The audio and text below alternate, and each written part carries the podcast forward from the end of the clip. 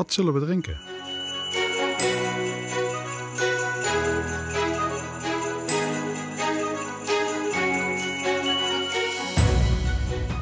Hey allemaal, welkom bij weer een aflevering van Wat zullen we drinken? Een podcast waarin we niet alleen bieren bespreken met een goed verhaal, maar ook het leven vieren in al zijn facetten. Ik ben jouw podcastlijn Bas en vandaag hebben we weer een vers getapte aflevering voor je klaarstaan. Samen tellen we af naar kerst. Dus pak het bier van de aflevering uit het vakje, ga lekker zitten en laten we samen het leven een beetje mooier maken. Proost!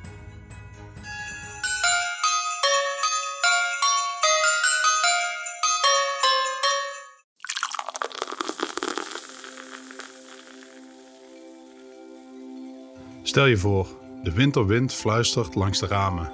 Kaarslicht danst op tafel en daar staat hij dan, de Beemster Trippel van de Lepelaar. Een trots product uit de polder. Zoals de naam al doet vermoeden, komt dit bier rechtstreeks uit het hart van de Beemster. Beroemd om zijn kaas, maar nu ook om zijn bier. Kenmerkend voor de Beemster Trippel is het verkwikkende samenspel van citrusnoten en een zoetige toets, ondersteund door een aangename warme alcoholgloed. Het onderscheidt zich door het gebruik van biologische tarwe uit de Beemster en die bijzondere mix van Saas en Noordenbroerhop recht uit de volkstuin van de brouwer. Achter elke slok van de Beemster Trippel schuilt een verhaal van passie en gemeenschap van twee mannen, Sjaak van der Lee en Nico Ruiter, die zonder enige formele opleiding begonnen te brouwen. Hun avontuur startte in 1996, bewapend met niets meer dan nieuwsgierigheid en een voorliefde voor goed bier. De reis voerde hen langs de paden van zelfstudie en experiment. Langs de vriendschappelijke geleerden van het Woordwat, een amateur bierbrouwersvereniging, tot de erkenning bij het ONK met een zelfgebrouwen trippel. Hun dorst naar kennis leidde Sjaak naar een cursus bierkeurmeester, waardoor hun vaardigheden en bieren alleen maar beter werden. Het is een verhaal dat weer klinkt met de waarde van het Burgondische leven.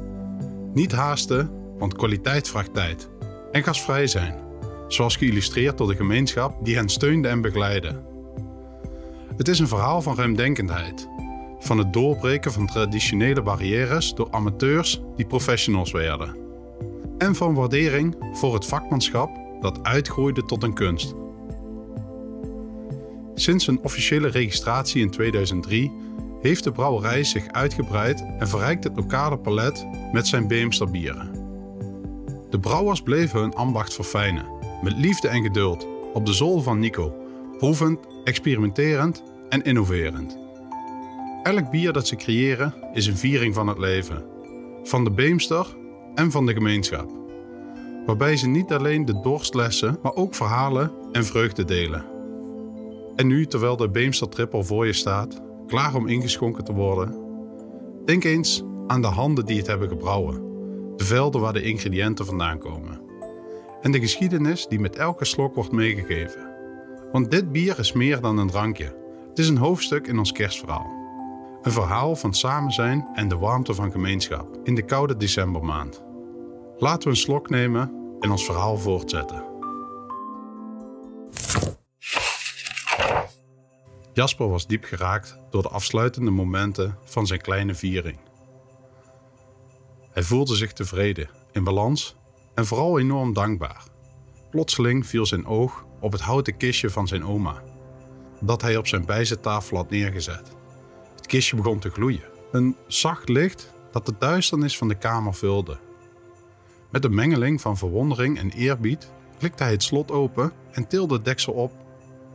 Daar lag het ineens, een klein kristal dat straalt en oplichtte van binnenuit alsof het een eigen leven had. De lucht vulde zich met de stemmen van de vijf geesten, die in koor spraken: Dit is het Bourgondische kristal, een bron van grote vreugde en wijsheid. Jij bent nu waardig om de erfenis van je oma Clara te dragen. Gebruik het goed.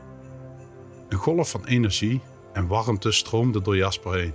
Het voelde alsof alle lessen, alle ervaringen en alle wijsheid die hij had opgedaan samenkwamen in dit ene magische moment. Hij pakte het kristal voorzichtig op en voelde onmiddellijk een diepe verbondenheid met alles wat hij had geleerd. Jasper wist dat hij vanaf dat moment kon rekenen op de lessen van de geesten en de wijze woorden van zijn oma Clara. Het kristal was niet alleen een fysiek aandenken, maar ook een eeuwige herinnering aan de levenslessen die hij had ontvangen. Het was een bron van vreugde en wijsheid die hij met anderen kon delen. Een kompas voor een leven vol betekenis en vervulling. Zo begon Jasper aan een nieuw hoofdstuk in zijn leven. Het was niet langer de gehaaste, oppervlakkige man die hij ooit was geweest. Hij was veranderd, gegroeid en had een nieuwe kijk op het leven gekregen.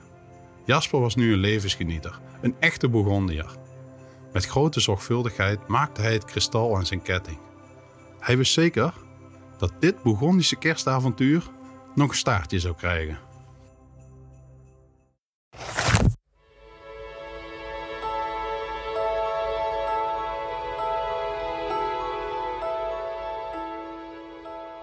Zo, beste Bourgondiërs.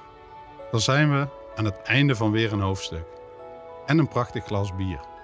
We hopen dat je net zo hebt genoten als wij.